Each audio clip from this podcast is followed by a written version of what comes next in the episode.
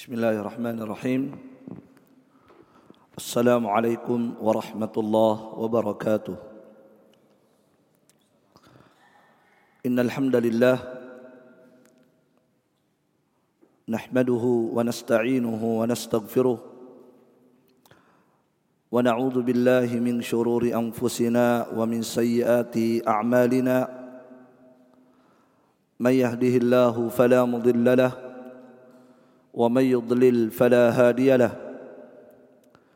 أشهد أن لا إله إلا الله وحده لا شريك له.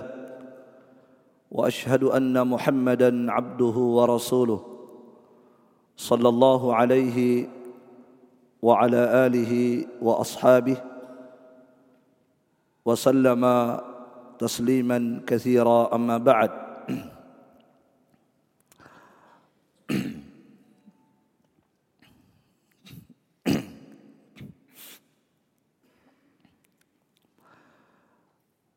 kaum muslimin wal muslimat akramani Allah wa iyyakum wa baraka fikum. Alhamdulillah di malam hari ini kita kembali memuji dan membesarkan Allah Subhanahu wa taala sebagai tanda kesyukuran kita terhadap nikmat yang sangat banyak yang Allah berikan kepada kita termasuk nikmat besar kita masih diberikan istiqamah untuk berada di atas ilmu agama istiqamah untuk tetap menuntut ilmu mempelajari kitabullah dan sunnah Nabi sallallahu alaihi wasallam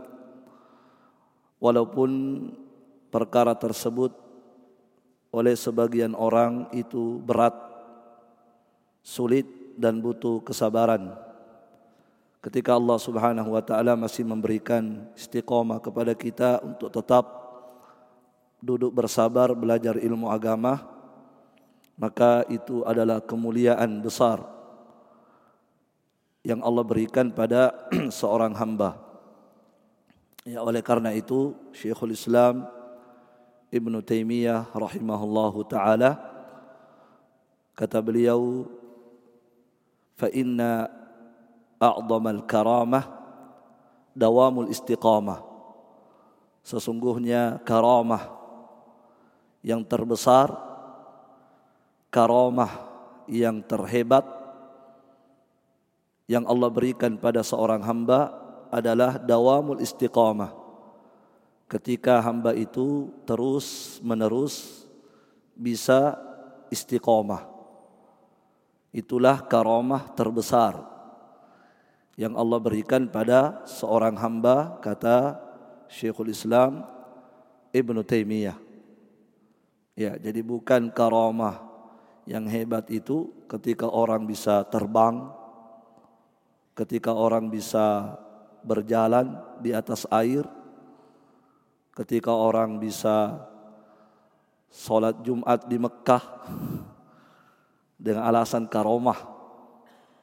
Ya, tapi karomah itu apa tadi? Ketika seorang hamba diberikan apa? Dawamul istiqomah, terus menerus bisa istiqomah, tegak lurus di atas jalan Allah Subhanahu wa taala. Ya dan tentunya perkara yang bisa membantu kita untuk istiqamah di atas jalan Allah Subhanahu wa taala tidak lain dengan belajar ilmu agama. Itu sebab untuk kita istiqamah di atas jalan Allah Subhanahu wa taala.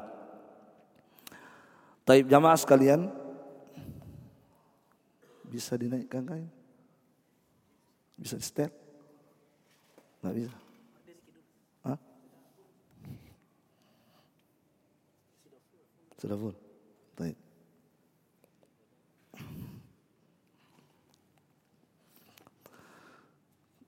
Kaum muslimin wal muslimat Ma'asyara at-talabah Hafizakumullah Pada malam hari ini InsyaAllah ta'ala kita akan melanjutkan kajian kita membahas kitab Al-Aqidah Al-Wasitiyah karya Syekhul Islam Ibnu Taimiyah rahimahullahu rahmatan wasi'ah.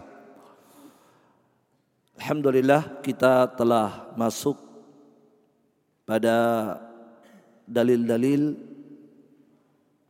yang dibawakan oleh beliau baik dari Al-Quran maupun dari sunnah Nabi sallallahu alaihi wasallam yang menyebutkan tentang nama-nama dan sifat-sifat Allah yang wajib untuk diimani. Ya oleh setiap muslim dan muslimah. Dan itu merupakan ciri khas ahli sunnah wal jamaah. Itu beriman terhadap semua nama dan sifat-sifat Allah Subhanahu wa taala. Maka kemudian di sini beliau mulai menyebutkan dalil-dalil dari Al-Qur'an, dari sunnah tentang nama-nama dan sifat-sifat Allah yang wajib untuk apa? Untuk diimani. Tapi pada pertemuan yang lalu kita telah menyebutkan satu surah ya yang dimulai oleh Ibnu Taimiyah rahimahullah yaitu surah Al-Ikhlas. Surah Al-Ikhlas di mana pada surah Al-Ikhlas disebutkan ada dua nama di situ yang sudah kita bahas yaitu Al-Ahadu dan As-Samad. Ini dua nama yang harus diimani, ditetapkan oleh setiap muslim dan muslimah. Al-Ahad, As-Samad dan dari dan dari dua nama ini ada sifat ya. Terkandung padanya sifat Allah Subhanahu wa taala. Sebab setiap nama mesti ada sifat di balik nama itu. Maka dua nama Al-Ahad As-Samad ini padanya ada dua sifat Allah Subhanahu wa taala. Dan ini sudah kita jelaskan. Barakallahu fikum. Kemudian berikutnya selanjutnya beliau berpindah pada dalil yang kedua. Ya, tentang nama dan sifat Allah yang wajib untuk diimani kata beliau. Wa ma wasafa bihi nafsahu fi a'dhami ayatin fi kitabihi haitsu yaqul الله لا إله إلا هو الحي القيوم لا تأخذه سنة ولا نوم. له ما في السماوات وما في الأرض. من ذا الذي يشفع عنده إلا بإذنه. يعلم ما بين أيديهم وما خلفهم. ولا يحيطون بشيء من علمه إلا بما شاء. وسع كرسيه السماوات والأرض. ولا يؤوده حفظهما. وهو العلي العظيم. طيب. ولهذا كان من قرأ هذه الآية في ليلة لم يزل عليه من الله حافظ ولا يقربه شيطان حتى يصبح. Kata beliau di antara yang apa namanya yang harus kita imani terkait dengan nama dan sifat Allah Subhanahu wa taala kata beliau wa ma wasafa bihi nafsahu. Dan apa yang Allah sifati dirinya dengannya. Ya, apa yang Allah sifati dirinya dengannya. Pada ayat yang paling agung dalam kitabnya. Ya jadi kata beliau di antara yang harus kita iman adalah sifat yang Allah sebutkan pada apa? Pada ayat yang paling agung yang ada pada kitabnya itu Al-Qur'an. Haitsu yaqul ketika Allah Subhanahu wa taala berfirman, ini ayatnya yang dimaksud, ayat yang paling agung ketika Allah Subhanahu wa taala berfirman, Allahu la ilaha illa huwal hayyul qayyum Allah Subhanahu wa taala tidak ada yang berhak untuk disembah kecuali hanyalah Dia. Al-Hayyu yang Maha hidup, Al-Qayyum yang Maha berdiri sendiri. La ta'khudhuhu sinatu wala naum yang tidak tertimpa ngantuk dan tidak tidur. Lahu ma fis samawati wa ma fil ard hanya milik Allah apa yang ada di langit dan seluruh yang ada di bumi. Man dalladhi yashfa'u indahu illa biizni. Tidak ada yang bisa memberi syafaat di sisi Allah kecuali dengan izinnya. Ya'lamu ma baina aydihim wa ma khalfahum. Dialah Allah yang mengetahui apa yang ada di hadapan mereka dan apa yang ada di belakang mereka. Wala yuhituna bi syai'in min ilmihi dan tidak ada dan mereka tidak bisa mengetahui sedikit pun ilmu Allah illa bima kecuali apa yang Allah kehendaki. Wasi'a kursiyuhu samawati wal ard dan kursi Allah subhanahu wa ta'ala meliputi langit dan bumi. Wala ya'uduhu hibduhuma Allah subhanahu wa ta'ala tidak merasa berat. Tidak ada rasa berat menjaga keduanya. Itu langit dan bumi. Wa huwal aliyul azim. Dialah Allah Subhanahu wa taala yang maha tinggi lagi maha agung. Oleh karena itu kata beliau siapa yang membaca ayat ini pada satu malam pada malam hari maka Allah Subhanahu wa taala akan akan senantiasa menjaganya dan syaitan tidak akan mendekatinya sampai dia berada di pagi harinya. Baik. Barakallahu fikum. Jadi jamaah sekalian, rahimani wa rahimakumullah. Pada ayat kursi ini ya, Allah Subhanahu wa taala atau beliau bawakan ayat kursi di sini untuk menyebutkan ya di antara nama-nama Allah dan sifat-sifatnya yang harus diimani. Ya, dan pada ayat kursi ini terdapat sekian banyak nama dan sifat Allah. Sekian banyak nama dan sifat Allah Subhanahu wa taala. Ya. Al-Imam An-Nawawi rahimahullahu taala menyebutkan ya ada sekitar tujuh. Ada sekitar tujuh sifat-sifat Allah yang terdapat pada ayatul kursi ini. Ya, oleh karena itu jamaah sekalian, inilah sebabnya kenapa ayat kursi disebut dengan ayat yang paling agung dalam Al-Qur'an. Ya kan? Tadi Syekhul Islam mengatakan apa?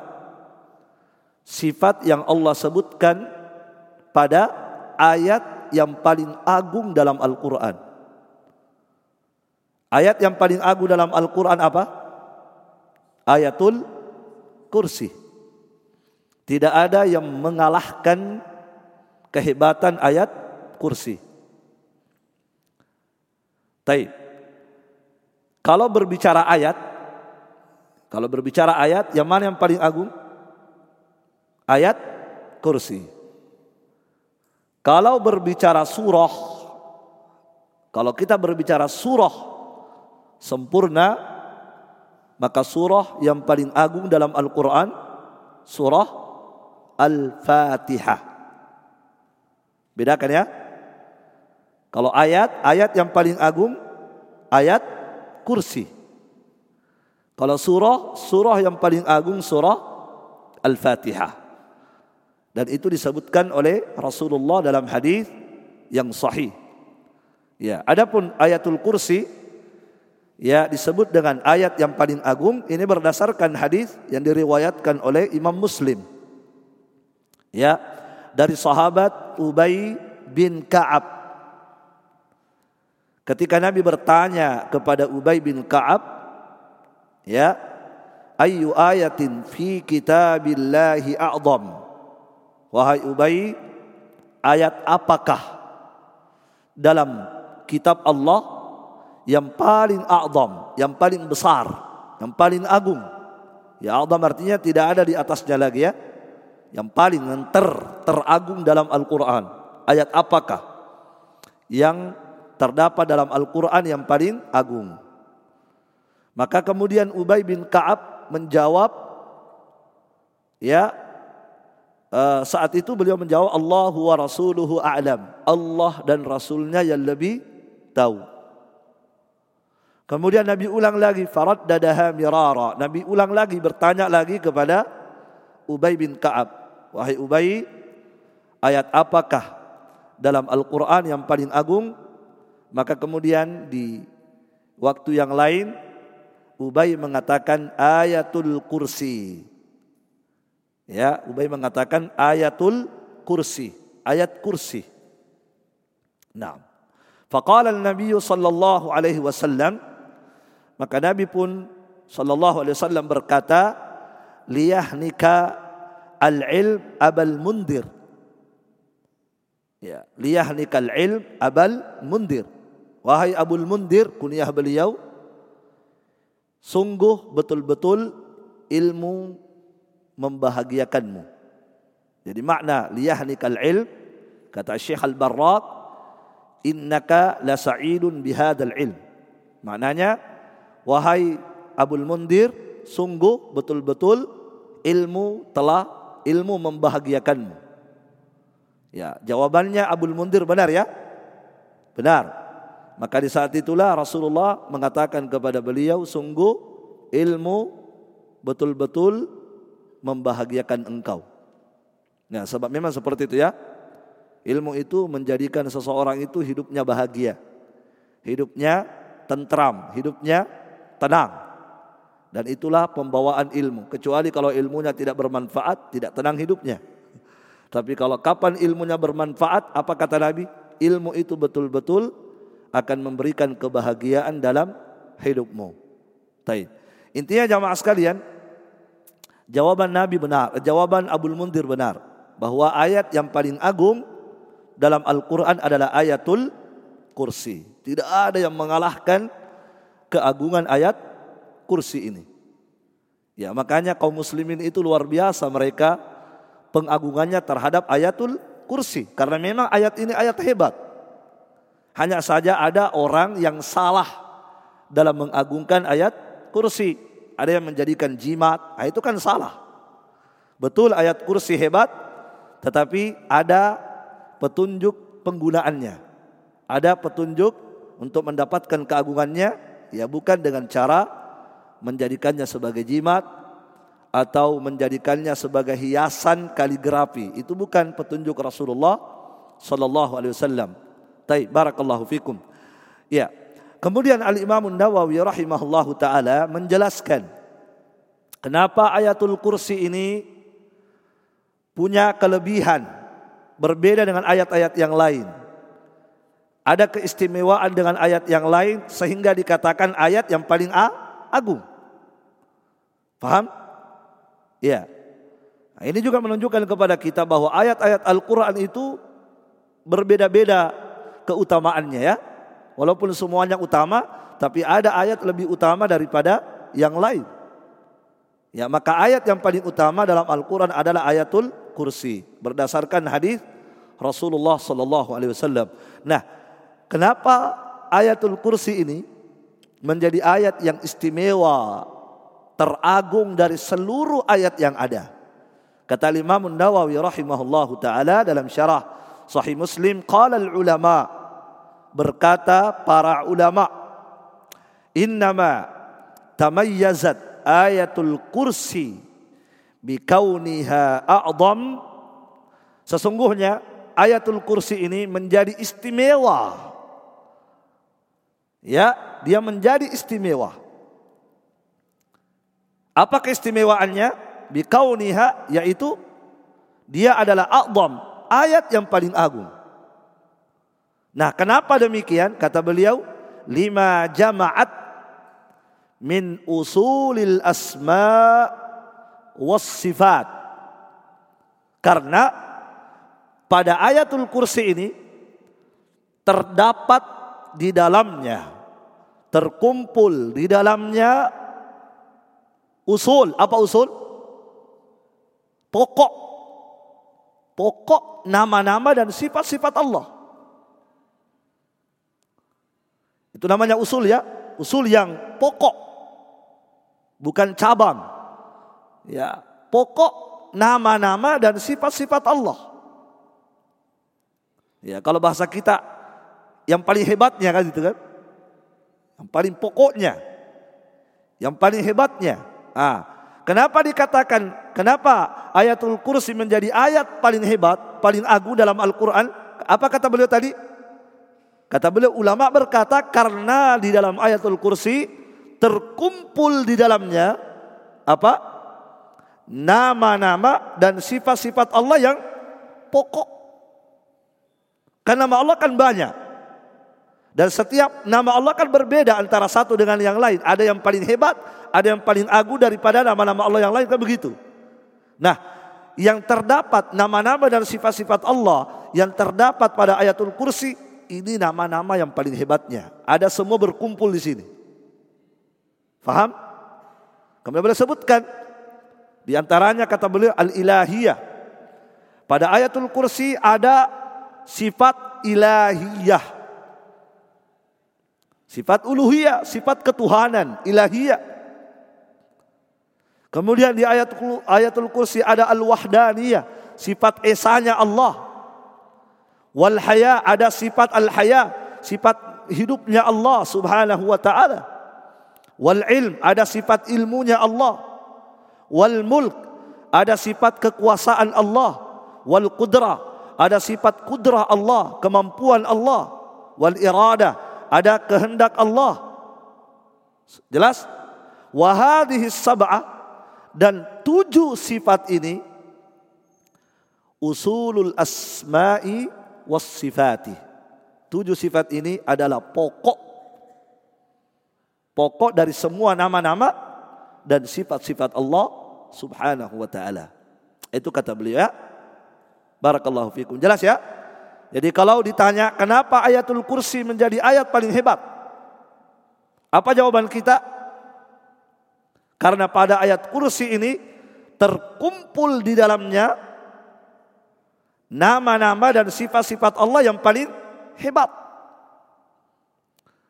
Jelas?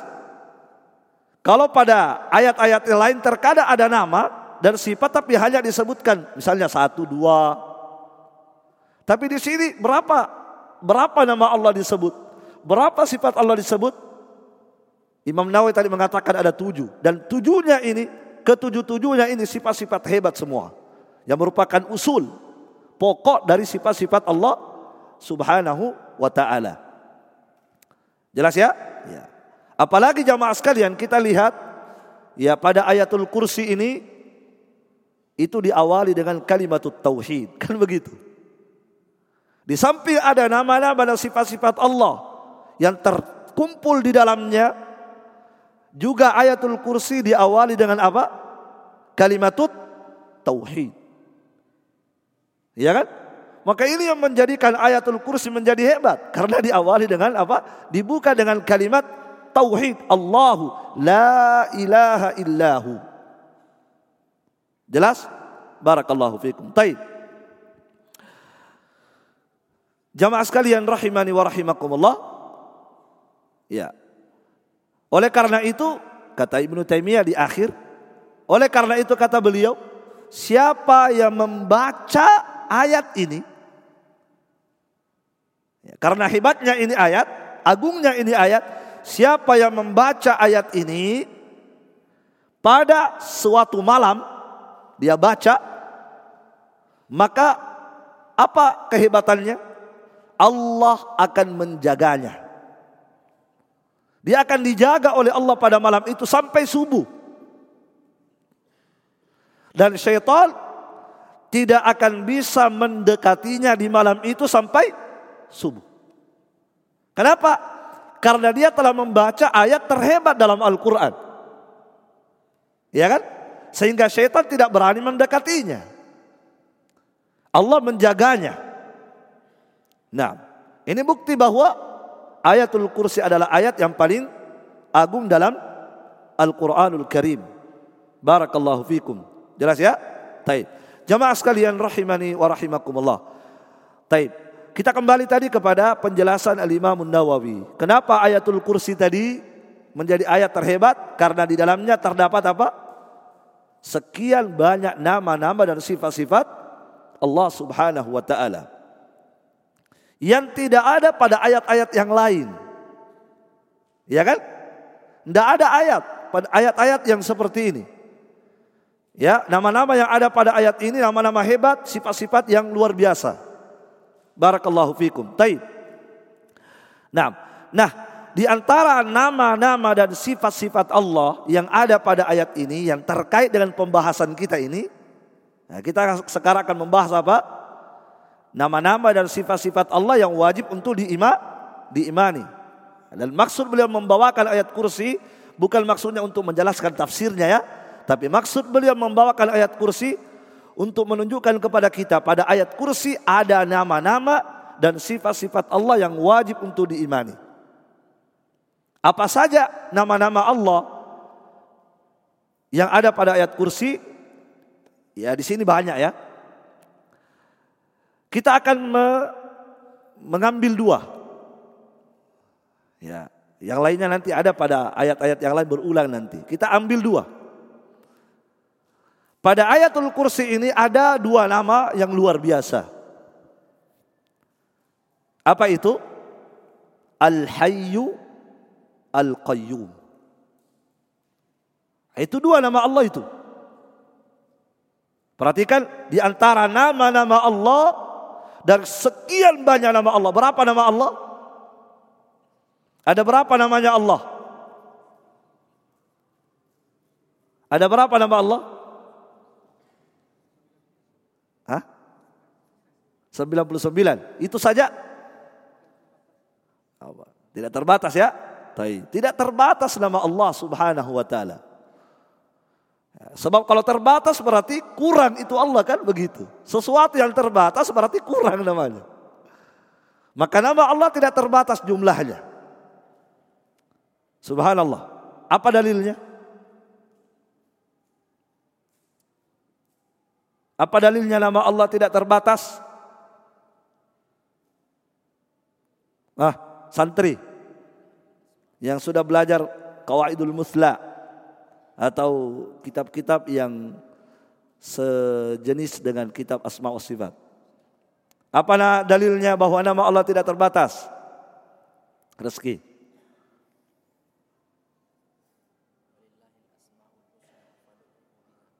Walillahil asmaul husna fad'uuhu biha. Hanyalah milik Allah nama-nama yang indah. Maka berdoalah dengannya. Mana di situ dalilnya menunjukkan tidak terbatas? Hah. Nah, santri yang lain. Atau di luar santri. Apa dalilnya? Ya, itu perlu ya. Halus sunnah butuh butuh punya dalil. Itu keistimewaan halus sunnah, dalil. Ya. Ah, apa dalilnya? Nanti ada orang berkata tidak nama Allah hanya 99. Dalilnya apa? Innalillahi tis'atan wa tis'ina isma. Kata Nabi SAW sesungguhnya Allah memiliki 99 nama. Man ahsaha dakhala al-jannah. Siapa yang mengihsa 99 nama itu dia akan masuk ke dalam surga. Oh, berarti nama Allah hanya 99. Dalilnya itu tadi. Nah, kemudian antum mengatakan tidak, tidak terbatas. Eh, mana dalilnya tidak terbatas? Saya punya dalil kok. Oh. Apa dalilnya? Ini sering sering diulang itu dalil-dalil itu. Dan itu sudah menjadi ciri khas ahlus sunnah itu. Dalam pembahasan akidah selalu diulang itu dalil-dalil. Nama Allah tidak terbatas, dalilnya ini. Adapun hadis itu begini maksudnya, gitu kan. Hah. Apa dalilnya? Dalilnya adalah doa ketika Rasulullah berdoa. Allahumma inni as'aluka bikulli ismin. Ya kan? Sammaituha ala nafsik. Au anzaltahu fi kitabik. Au علمته ala أحد min خلقك أو استأثرت fi ilm fi ilmil الغيب indak. Itu jelas. Apa kata Nabi? Ya Allah, sesungguhnya aku meminta kepadamu. Berdoa Nabi ya, aku meminta kepadamu. Bikulli ismin, dengan semua nama yang engkau namai dirimu dengannya. Dengan semua nama pokoknya semua nama. Aku jadikan sebagai wasilah untuk meminta kepadamu ya Allah semua nama yang engkau namai dirimu dengan dengannya. Atau nama yang engkau telah turunkan dalam Al-Qur'anmu yang engkau sebutkan dalam Al-Qur'an. Atau engkau ajarkan kepada makhlukmu.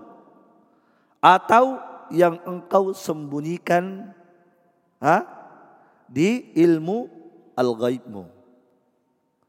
Berarti ada nama yang disembunyikan oleh Allah yang tidak Allah ajarkan kepada makhluk. Apa nama itu Allah alam sebab Allah sembunyikan. Allah tidak sebutkan. Allah tidak ajarkan nama itu. Allah tidak kabarkan kepada kita apa nama itu. Berarti ada nama Allah yang tidak kita ketahui. Menunjukkan apa? Bahwa nama Allah tidak terbatas. Paham? Ya. Adapun hadis tersebut itu ya Antum cari tahu jawabannya. Kenapa hadis itu? Kenapa Nabi menyebutkan 99? Apa itu pembatasan? Bukan pembatasan. Itu bukan pembatasan. Tapi itu hanya nama-nama yang istimewa yang disebutkan oleh Nabi. Siapa yang bisa mengihsa 99 itu, maka sudah ada jaminan surga untuk untuknya. Tapi itu bukan pembatasan ya. Ya, bukan pembatasan sama sekali. Sama ketika orang berkata, saya punya uang 99 ribu. Saya bawa ke Masjid Jannatul Firdaus untuk saya sedekahkan. Ya kan? Tapi apakah maknanya apa? Apakah dia hanya punya 99 ribu? Tidak, masih ada di rumahnya dia simpan. Berapa? Tidak tahu karena dia tidak beritahu kita. Paham? Barakallahu fikum. Baik. Jadi jamaah sekalian rahimani wa rahimakumullah. Dari sekian banyak nama-nama Allah subhanahu wa ta'ala yang Allah jelaskan dalam Al-Quran. Yang Nabi jelaskan dalam hadis, Maka di antara nama-nama tersebut adalah Al-Hayyu Al-Qayyum. Al-Hayyu Al-Qayyum. Ini nama luar biasa. Saking luar biasanya inilah yang menjadikan ayat kursi menjadi ayat hebat kan? Karena ada dua nama ini. Di samping nama-nama lain. Adanya dua nama ini menjadikan ayat ini menjadi tama, menjadi punya keistimewaan dari ayat-ayat yang lain. Karena ada dua nama ini. Barakallahu fikum. Rasulullah sallallahu alaihi wasallam bersabda dalam sebuah hadis yang diriwayatkan oleh Al-Imam Ibnu Majah dihasankan oleh Syekh Al-Albani rahimahullah dari sahabat Abu Umama Al-Bahili. Kata Nabi sallallahu alaihi wasallam ismullahi al-a'zam. Nama Allah Subhanahu wa taala yang terbesar yang teragung. Alladzi idza du'iya bihi ajaba fi thalathin. Yang mana ketika jika seorang hamba berdoa kepada Allah dengan nama-nama tersebut akan dikabulkan oleh Allah. Itu ada pada tiga ayat Al-Quran. Terdapat pada tiga ayat Al-Quran. Jadi apa kata Nabi? Nama-nama Allah yang agung, yang besar. Yang mana ketika hamba berdoa menyebut nama-nama itu. Itu ada pada tiga ayat dalam Al-Quran. Nabi sebutkan. Ada pada tiga ayat Al-Quran. Yang pertama ada pada suratul Baqarah. Ada pada surah Al-Baqarah. Tepatnya ayat kursi ini. Sebab ayat kursi termasuk surah Al-Baqarah kan? Yang mana yang dimaksud? Itu tadi Allahu la ilaha illa huwa al-hayyu al-qayyum. Itu yang dimaksud oleh Nabi. Dua nama ini. Dan kata Nabi, nama dua nama ini adalah nama hebat, nama a'zam, nama agung. Siapa berdoa dengan dua nama itu akan dikabulkan oleh Allah Subhanahu wa taala. Ada pada tiga ayat. Pertama, pada pada pada tiga surah, surah Al-Baqarah. Tepatnya pada ayatul kursi. Yang kedua ada pada surah Ali Imran. Pada awal surah Ali Imran. Alif Lam Mim. Allahu la ilaha illa huwal hayyul qayyum. Ya kan? Nazzala alaikal kitab dan seterusnya. Allahu la ilaha illa huwa al hayyu al qayyum nazzala alaikal kitab. Itu surah yang kedua. Yang ketiga kata Rasulullah ada pada surah Taha. Taha ma anzalna alaikal Qur'ana litashqa. Pada surah Taha Allah Subhanahu wa taala berfirman wa anatil wujuh lil hayyil qayyum.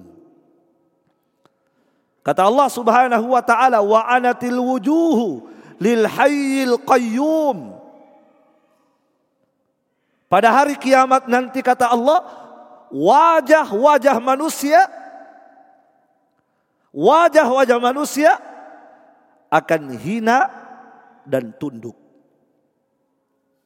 Wajah-wajah terutama wajah-wajah pendosa, wajah-wajah orang-orang yang durhaka kepada Allah, maka wajah-wajah tersebut di hari kiamat apa? Anat, apa? Anat hina dan tertunduk. Tertunduk wajah-wajah tersebut di hadapan apa? Di hadapan Allah Al-Hayyu Al-Qayyum. Disebutkan itu dua nama. Tertunduk di hadapan bukan Allah mengatakan wa anatil wajuhu lirrahmanir rahim. Tidak. Tapi Allah mengatakan apa? Wa anatil wujuhu lil hayyil qayyum. Wajah-wajah pada hari itu tunduk hina di hadapan Allah yang Al-Hayyu Al-Qayyum. Jelas?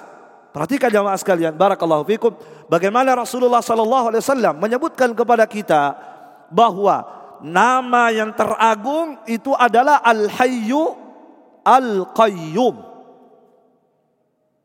Makanya ini yang mau kita angkat di surah ini ya.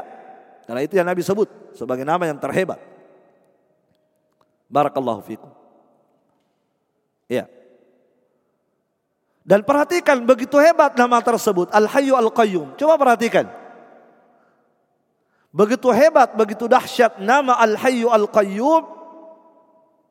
Lihat. Perhatikan apa kata Allah tadi? Wa anatil wujuh. Wajah-wajah manusia pada hari kiamat tunduk terhina di hadapan apa? Yang Allah sebut Al-Hayyu Al-Qayyum. Menunjukkan itu hebat nama itu. Karena ini terkait dengan hari kiamat. Terkait dengan peristiwa dahsyat. Terkait dengan apa? Kondisi-kondisi menakutkan. Maka Allah mengatakan di situ. Semua wajah manusia, wajah-wajah manusia tunduk hina di hadapan Allah yang maha hidup dan maha berdiri Al-Qayyum. Nanti kita sebutkan apa makna Al-Qayyum, apa makna Al-Hayyu. Kita ingin tahu dulu nama ini ya. Al-Hayyu ini nama hebat. Al-Qayyum nama luar biasa. Barakallahu fikum. Ya. Dan Nabi tadi berkata apa tadi? Siapa yang berdoa dengan menyebut dua nama ini, maka pasti akan dikabulkan doanya oleh Allah Subhanahu wa taala. Menunjukkan hebatnya dua nama ini. Sebab apa kata Nabi? Siapa yang berdoa dengan dua nama ini akan dikabulkan doanya oleh Allah Subhanahu wa taala. Oleh karena itu jamaah sekalian barakallahu fikum. Ketika ada seorang sahabat yang duduk sebelum dia duduk, dia sholat dulu. Ya, kata Anas bin Malik, ada kami sedang duduk bersama Nabi, di dekatnya Nabi ada orang sholat. Ya, setelah dia sholat, dia berdoa. Ketika dia berdoa, dia mengatakan, Allahumma inni as'aluka. Ini doanya, ya Allah, sesungguhnya aku meminta kepadamu bi annalakal ham. Nah, baru disebut tawassulnya, baru disebut ah, nama-nama yang dia jadikan perantara berdoa. Bi annalakal ham. La ilaha illa anta al-mannan badi'us samawati wal ard ya dal jalali wal ikram ya hayyu ya qayyum. Perhatikan itu. Ketika dia berdoa, dia sebut nama Allah Pak. Dia panggil nama Allah ya hayyu. Dia panggil nama Allah itu. Ya hayyu ya qayyum. Nabi dengarkan sahabat itu berdoa. Nabi pun berkata, Laqad da'allaha bismihil azim alladhi idha du'iya bihi ajaba wa idha su'ila bihi u'tiyah. Kata Nabi sungguh dia telah berdoa kepada Allah Subhanahu wa taala dengan menyebut nama Allah yang agung yang mana tidaklah dia yang mana jika dia berdoa dengan nama tersebut akan dikabulkan doanya oleh Allah Subhanahu wa taala dan jika dia meminta kepada Allah dengan nama tersebut akan diberikan apa yang dia minta oleh Allah Subhanahu wa taala. Jelas? Menunjukkan agungnya dua nama itu. Ya kan? Dan Nabi sendiri sallallahu alaihi wasallam itu jamaah sekalian sampai-sampai beliau memberikan wasiat. Bayangkan, sampai berwasiat Nabi. Pesan itu beda dengan wasiat. Wasiat itu sesuatu yang penting sekali. Itu wasiat. Dan biasanya orang ketika berwasiat, dia akan memilih yang paling apa? Yang paling terbaik untuk dia sampaikan kan? Bayangkan, Nabi berwasiat. Berwasiat kepada siapa? Berwasiat kepada putrinya Fatimah. Subhanallah. Berwasiat kepada putrinya Fatimah. Yang kata Nabi Fatimah bad'atun minni. Fatimah adalah belahan jiwaku. Siapa yang membuat Fatimah marah, saya akan marah kepadanya. Cintanya Nabi kepada Fatimah luar biasa. Nabi memilih berwasiat kepada Fatimah. Menunjukkan bahwa ini bukan wasiat. Sebab yang Nabi wasiati adalah putrinya sendiri. Apa kata Nabi kepada Fatimah radhiyallahu taala anha? Beliau berkata, "Wahai Fatimah, bacalah. Baca. Jika engkau berada di pagi hari dan di sore hari, baca ini. Nabi ajarkan apa? Dikir pagi, petang. Dan ini wasiat untuk Fatimah. Tapi juga kepada kita kan sampai juga kepada kita. Wahai Fatimah. Subhanallah. Bacalah. Setiap pagi dan petang. Jangan sampai tidak. Jangan sampai ada yang menghalangimu untuk membacanya. Pokoknya jangan sesibuk apa pun baca, jangan ada yang menghalangimu. Kata Nabi Sallallahu Alaihi Wasallam menunjukkan wasiat penting. Sesibuk apa pun engkau. Sebab kita tahu Fatimah itu luar biasa sibuknya kan. Ya. Tapi barakallahu fikum. Baca. Sibuk apa Fatimah? Ah. Apa kesibukannya Fatimah?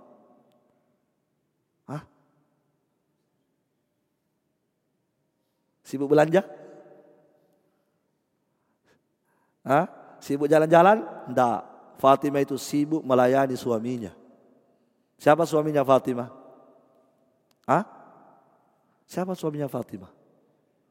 Ali bin Abi Talib. Sibuk luar biasa itu Fatimah. Super sibuk. Saking sibuknya semua dikerjakan oleh Fatimah. Masya Allah sampai pernah tangannya Fatimah itu sudah lecet-lecet. Bayangkan sampai datang ke Nabi ya Rasulullah minta ke pembantu kau dong untuk bantu kak. Tapi Nabi tidak kasih. Coba. Nabi tidak kasih. Nabi hanya ajarkan apa? Nabi hanya ajarkan ilmu ini, bagus ini, lebih bagus daripada pembantu. Nabi hanya ajarkan doa, dikir-dikir, setiap mau tidur kan? Itu yang Nabi ajarkan. Kata Nabi, ini lebih baik daripada pembantu. Sibuk luar biasa. Apa kata Fatimah? Apa kata Nabi? Wasiatku kepada engkau wahai Fatimah. Jangan sampai engkau tinggalkan membaca ini pagi dan sore. Sesibuk apa pun engkau. Ini wasiatku kepadamu. Subhanallah. Apa itu? Bacalah. Ya Hayyu, Ya Qayyum. Birahmatika astagithu. Aslih li sya'ni kullahu wala takilni ila nafsi tarfata ainin. Subhanallah. Luar biasa memang ini. Bacaan ini luar biasa. Maka tidak salah kalau menjadi wasiat. Wasiat khusus untuk Fatimah dan tidak salah kalau Nabi berkata jangan tinggalkan sebab kita butuh dengan bacaan ini, butuh sekali. Setiap orang butuh, tidak ada yang tidak butuh dengan ini. Apa kata Nabi sallallahu alaihi wasallam? Fatimah baca. Ya Hayyu ya Qayyum. Luar biasa. Ternyata diawali dengan apa? Dua nama ini. Bukan nama lain. Bukan nama Ya Rahman, Ya Rahim, Ya Aziz, Ya Ghaffar, Ya Tawwab, bukan itu. Tapi ternyata yang Nabi sebutkan, baca ini dua nama ini. Ya Hayyu, Ya Qayyum. Birahmatika astagithu. Dengan rahmatmu ya Allah, aku beristighothah. Apa itu istighothah? meminta sesuatu di kondisi terdesak. Itu istighosa di kondisi butuh. Sangat butuh untuk ditolak itu namanya istighosa kepepet. Betul-betul darurat untuk ditolong oleh Allah itu namanya istighosa perhatikan. Subhanallah. Ternyata di kondisi seperti ini di kondisi orang genting ternyata yang dipanggil namanya al-hayyu al-qayyum ya hayyu ya qayyum birahmatika astaghith setelah disebut dua nama itu, disebutkanlah apa permohonannya. Allahumma aslih li sya'ni kullahu. Ya Allah, perbaikilah semua urusanku. Luar biasa kan? Luar biasa. Ya Allah, perbaikilah urusanku semuanya tanpa terkecuali. Perbaiki urusanku ya Allah. Banyak urusan saya kacau balau. Banyak urusan saya tidak beres. Ya Allah perbaiki semua urusanku. Ya Allah perbaiki. Nah, itu doanya. Diawali dengan Ya Hayyu. Ya Qayyum. Ya Hayyu. Ya Perbaikilah semua urusan. Mencakup semua urusan. Urusan dalam di rumah. Urusan dalam keluarga. Urusan di kantor semua urusan kan? Urusan dengan tetangga, urusan dengan teman, urusan dalam belajar ilmu agama, urusan dengan murid dengan guru. Semua urusan saya, ya Allah, perbaiki. Subhanallah. Perbaiki. Saya lagi kacau dengan istri saya. Saya lagi berantakan rumah tangga saya. Ya Allah, perbaiki semuanya. Masuk, masuk semua. Dari kondisi kacau balau rumah tangga itu di situlah sangat butuh kan? Sangat butuh kita ke mana kita akan mengadu kecuali hanya kepada Allah kan? Tidak mungkin kita curhat kepada orang itu rumah tangga kita.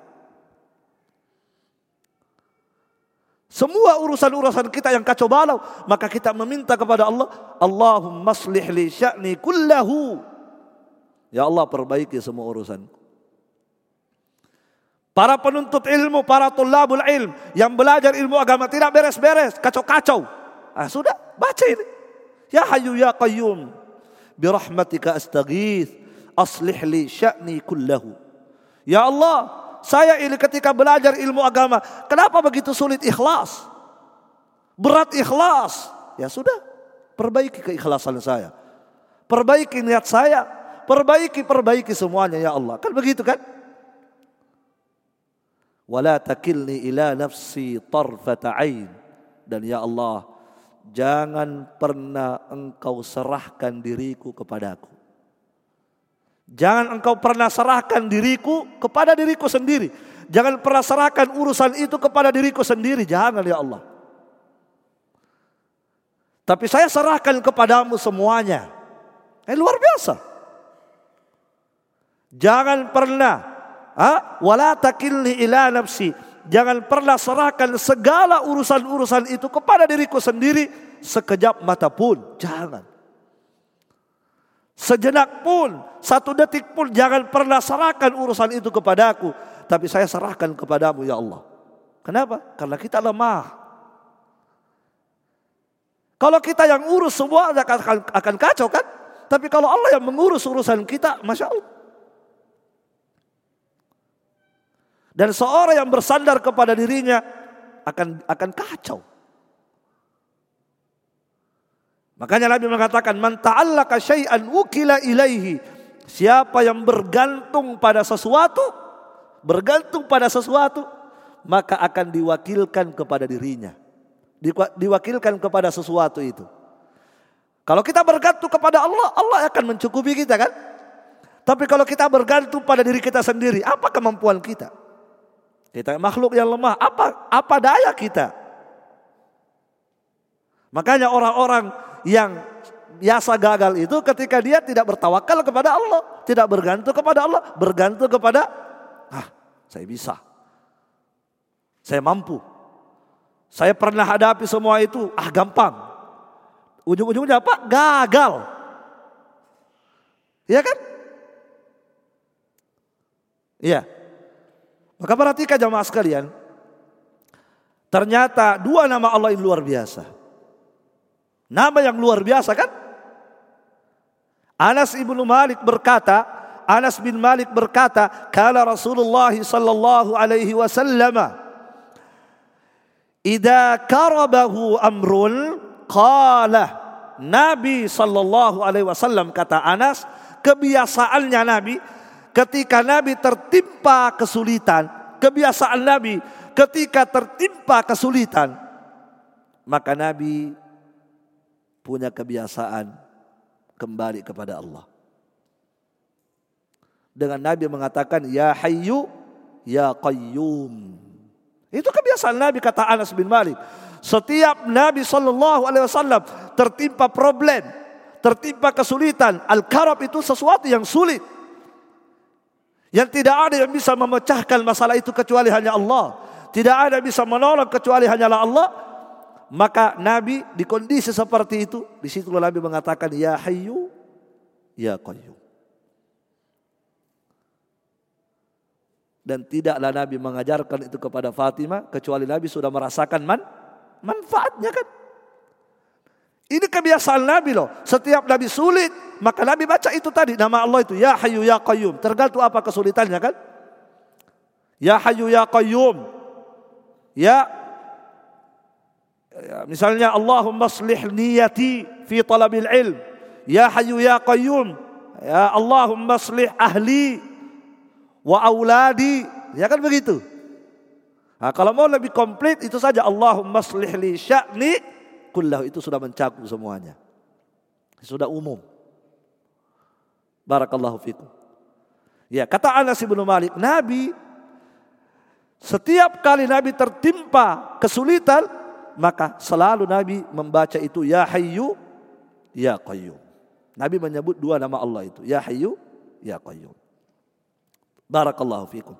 Maka ini semua jamaah sekalian menunjukkan kepada kita bahwa dua nama ini memang betul-betul nama yang agung. Dan itulah yang menjadi rahasia kenapa ayatul kursi menjadi ayat terhebat dari seluruh ayat yang ada. Karena Allah meletakkan dua nama ini pada ayatul kursi. Faham? Mungkin ada yang berkata, tapi kan juga ada dua nama tadi pada surah apa tadi?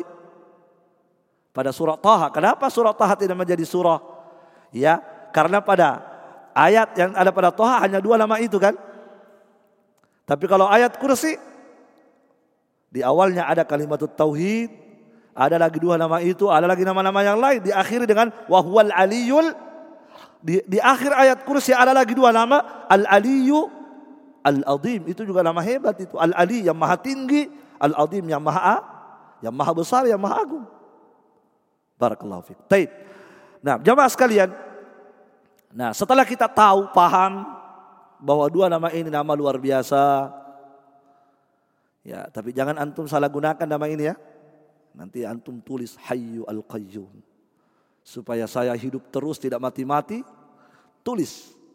Mau pergi perang, tulis supaya tidak mati-mati, tulis Al-Hayyu. Orang biasa kadang-kadang mencocok-cocokkan biasa itu.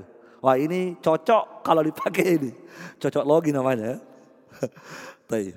Barakallahu fikum. Taib. Nah bagaimana penggunaannya tadi?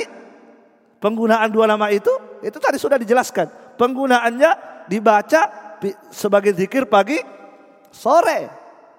Dibaca di kondisi su, sulit. Dan dibaca di saat kita membaca ayatul kursi. Iya. Kapan dibaca? Tadi sudah dijelaskan juga. Ya kan? Tadi sudah dijelaskan juga bahwa siapa yang membacanya di malam hari, ayatul kursi di situ ada al-hayyu al-qayyum. Siapa yang membaca di, di malam hari maksudnya mau tidur, Diterangkan dalam hadis lain, sudah akan ke tempat tidur dia baca itu sebagai pengantar tidurnya, maka bukan bukan murattal ya pengantar tidur bukan, dibaca. Dia baca itu apa kata Nabi? La yazalu alaika minallahi hafid. Allah akan senantiasa menjagamu di saat tidur. Sebab di saat kita tidur bisa dapat doti-doti kan? Kita tidur pak doti-doti, pas tukang santet, tukang apa bisa menyantet kita saat kita tidur. Nah ketika kita baca itu, terjagalah kita dari serangan-serangan manusia. Allah yang menjaga kita sampai subuh. Ya kan? Dan setan tidak bisa mendekatinya. Ya sebab saat kita tidur itu, setan akan kencing. Ah, ah bukan kecil apa? Setan akan mengikatkan, ah, itu kadang-kadang kita sulit bangun. Kenapa? Karena kita tidak dikir. Nah, di antara fungsinya baca kursi tadi, setan tidak akan mendekatinya sampai subuh. Nah, jamaah sekalian rahimani wa rahimakumullah. Sekarang kita akan melihat dua nama ini. Apa makna Al-Hayyu dan apa makna Al-Qayyum. Dua nama yang hebat. Baik, azan dulu. Ma'asyiral muslimin wal muslimat rahimani wa rahimakumullah. Dua nama Al-Hayyu Al-Qayyum ini kita akan bahas eh, ringkas-ringkas saja. Taib. Bisa sampai jam 8? Ah, insyaallah ya, jam 8 nanti ingatkan. Barakallahu fiik. Al-hayyu apa makna al-hayyu? Ah. Al-hayyu. Al-Syekh Ibn Utsaimin rahimahullahu taala dalam Syarah Aqidah Al-Wasithiyah mengatakan al-hayyu dul hayatil kamilah. Al-hayyu artinya yang memiliki kehidupan yang sempurna.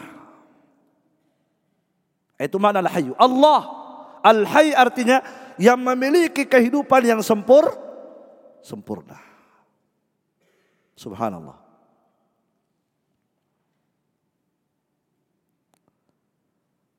Itulah Allah Subhanahu wa taala yang dipanggil namanya Ya Hayyu. Ketika kita berkata Ya Hayyu, apa artinya? Ya Allah yang memiliki kehidupan yang sempurna. Ya. Sifat al-hayah, sifat kehidupan ini ada pada makhluk juga. Ada tidak? Ada. Allah Subhanahu wa taala berfirman, "Yukhrijul hayya minal mayyit." Allah Subhanahu wa taala mengeluarkan hidup dari yang mati. Artinya Allah menghidupkan manusia yang sebelumnya mereka ma mati yang tidak ada sebelumnya Allah hidupkan. Berarti manusia punya apa? Punya sifat al-haya, punya sifat kehidupan. Tapi samakah kehidupan manusia dengan sifat kehidupan Allah? Laisa kamitslihi syai. Kehidupan Allah Subhanahu wa taala, sifatul haya, sifat kehidupan yang Allah Subhanahu wa taala miliki luar biasa. Sebab kita tahu bahwa semua nama Allah sempurna, semua sifat Allah sempurna, tidak ada kekurangan, termasuk sifat al-haya. Maka al-haya apa artinya makna al-haya? Al-hayyu dul hayatil kamilah yang memiliki pemilik kehidupan yang sempurna. Dan hanya dia yang memiliki kehidupan yang sempurna. Tidak ada yang lain. Seperti apa sempurnanya hidup Allah? Yang ini tidak ada satupun pada makhluk. Kata Syekh Ibn Thaymin, lam tusbaq bi adamin. Kehidupan Allah ini tidak didahului dengan tidak ada. Tidak didahului dengan tidak tidak ada. Ya tidak. Beda dengan makhluk, beda dengan manusia. Sebelum saya hidup saya ada. Saya tidak ada sebelumnya kan? Kapan saya ada? Ketika saya dihidupkan oleh Allah baru saya ada. Sebelumnya, sebelum saya dihidupkan ada tidak saya? Tidak ada. Itulah kekurangan kehidupan pada manusia. Kenapa? Karena sebelumnya mereka tidak ada. Paham nggak? Paham? Kalau Allah subhanahu wa ta'ala dari dulu sudah ada. Tidak pernah tidak ada. Dari dulu sudah ada itu Allah subhanahu wa ta'ala. Kalau kita dulu tidak ada, nanti ada ketika Allah kita ketika Allah hidupkan kita kan? Berarti kehidupan kita sempurna atau tidak? Tidak sempurna karena diawali dengan ketidakada adaan. Faham? Kemudian kata Syekh, wala yalhaquha zawal. Dan kehidupan Allah Subhanahu wa taala tidak disertai dengan kesirnaan. Artinya hidup selamanya. Tidak akan sirna Allah, tidak akan mati Allah Subhanahu wa taala. Ya tidak? Kehidupan Allah sempurna. Kenapa? Karena Allah tidak akan pernah mati. Allah tidak akan pernah sirna. Adapun manusia, adapun makhluk yang hidup di dunia ini suatu saat akan mati. Iya kan? Iya. Makanya apa kata Nabi Shallallahu Alaihi Wasallam? Ah, manusia Eh, eh, Allah Allah berfirman, "Kullu man 'alaiha fan." Semua yang berada di atas dunia ini akan apa? Fan, akan fana, akan berakhir, akan sirna, tidak kekal, akan mati semua. Yang mana yang tidak yang tidak mati? Wa yabqa wajhu rabbika dzul jalali wal ikram. Itulah kesempurnaan hidup Allah Subhanahu wa taala. Berbeda dengan kehidupan manusia, sangat kurang ke hidup kita. Kenapa? Karena sebelum kita hidup kita tidak ada kan? Setelah Allah hidupkan kita, kita akan berakhir. Akan mati kita. Mau atau tidak mau, suka atau tidak suka akan berakhir hidup kita. Semua binatang, semua hewan yang hidup akan mati. Tumbuh-tumbuhan akan sirna. Yang kekal, yang tidak akan sirna hanyalah Allah subhanahu wa ta'ala. Jelas? Itulah bentuk kesempurnaan hidup Allah subhanahu wa ta'ala. Kemudian kata Syekh Ibn Thaymin, ya, kata beliau, subhanallah, barakallahu fikum, wala ya'tariha naqsun biwajhin minal wujuh dan kehidupan Allah tidak ada sedikit pun padanya kekurangan. Tidak tertimpa sedikit pun kekurangan. Tidak ada sedikit pun kekurangan, naqs. Tidak ada. Sedikit pun. Ya tidak. Beda manusia. Kita hidup Kita butuh apa dalam kehidupan ini? Hah? Kita butuh tidur. Kalau kita tidak tidur, sesaki. Ya kan? Itulah kehidupan manusia butuh tidur. Binatang butuh tidur. Kalau tidak tidur, waduh.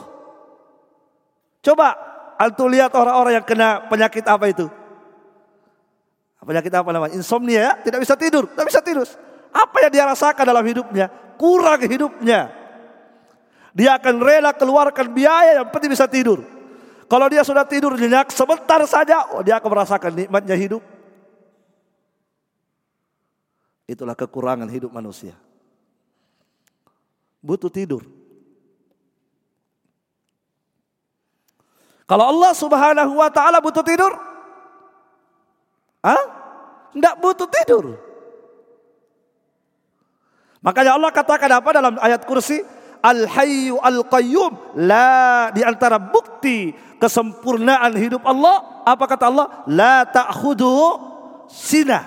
Allah tidak tertimpa ngantuk. Beda kita. Ngantuk kita butuhkan kan? Iya, kalau tidak ngantuk tidak bisa tidur. Ngantuk itu enak juga, tapi jangan di majelis ilmu. Kalau sudah belajar bagus ngantuk, sudah mau tidur ngantuk bagus itu enak. Makanya di antara nikmat Allah itu ngantuk ketika perang itu nikmat. Ya tidak? Ketika kita kondisi perang ngantuk. Supaya apa? Supaya tidak terasa itu takut, ngantuk.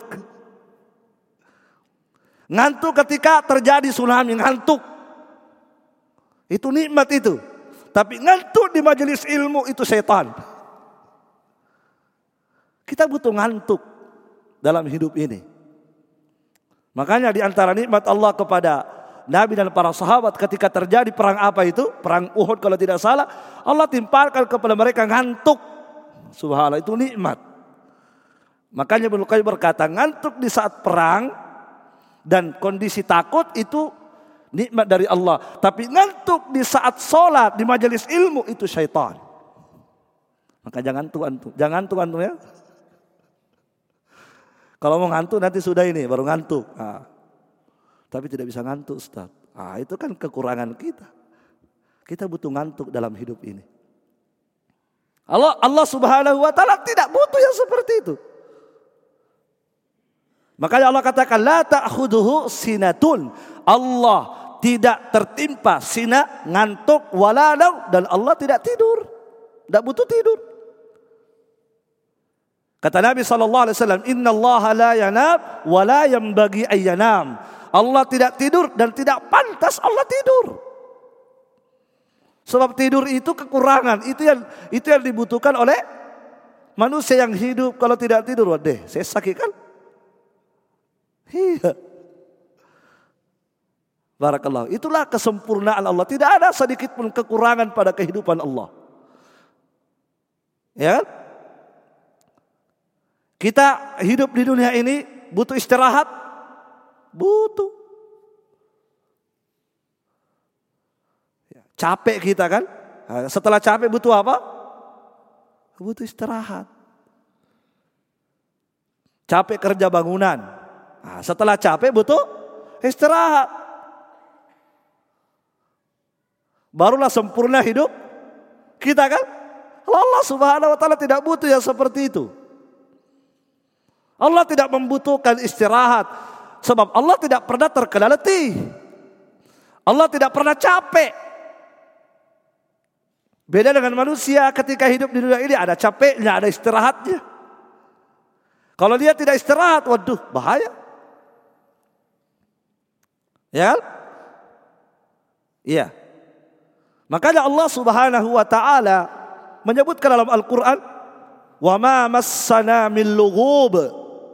Kami tidak tertimpa sedikit pun lelah setelah menciptakan langit dan bumi. Bayangkan, lihat kehidupan Allah yang luar biasa kan? Setelah Allah ciptakan langit dan bumi, berapa lapis langit, berapa lapis bumi? Setelah Allah ciptakan itu semua dalam tempo waktu berapa hari? Hah? Berapa hari Allah ciptakan langit dan bumi beserta dengan isinya semuanya? Berapa lama Allah ciptakan langit dan bumi? Hmm. Fi sittati ayam thumma stawa alal arsh. Dengan tempo waktu enam hari. Selesai. Selesai. Nah kita ini membangun Masjid Janatul Firdaus ini sudah berapa lama muhajir? Belum selesai. Terbatas kekuatannya itu tukang. Allah Subhanahu wa taala menciptakan langit dan bumi dengan isinya semuanya hanya dengan tempo waktu enam hari kan selesai. Apakah Allah tidak bisa sedetik bisa? Sebab Allah itu hanya berkata kul fayakun. Cukup Allah berkata jadi jadi semuanya. Tapi Allah sengaja sebagai pelajaran bahwa butuh proses itu kehidupan. Berproses namanya kan. Perhatikan, setelah Allah menciptakan itu semua, Allah kemudian mengatakan wa ma massana min lughub. Kami tidak merasakan sedikit pun lelah. Beda dengan kehidupan manu, manusia. Baru kerja apa? Lelah. Apalagi kalau lembur pasti lelah. Setelah lelah butuh istirahat, cari bantal, tidur. Kalau Allah tidak. Kata Allah, kami tidak tertimpa lelah. Setelah menciptakan langit dan bumi, kami tertim, tidak tertimpa lelah. Ya. Ini orang-orang Yahudi kurang ajar. Kata orang-orang Yahudi, Allah eh, setelah menciptakan langit dan bumi istirahat pada hari Sabtu karena Allah capek. Itu orang Yahudi kurang ajar itu. Maka Allah bantah, wa ma massana Bantahan kepada Yahudi mereka yang berkata demikian. Katanya orang Yahudi itu Allah setelah menciptakan langit dan bumi, ya di hari Sabtu Allah istirahat karena sudah capek. Nauzubillah. Maka Allah mengatakan wa ma massana min. Kami tidak tertimpa sedikit pun capek. Tidak ada sedikit pun. Itulah kesempurnaan hidup Allah Subhanahu wa taala.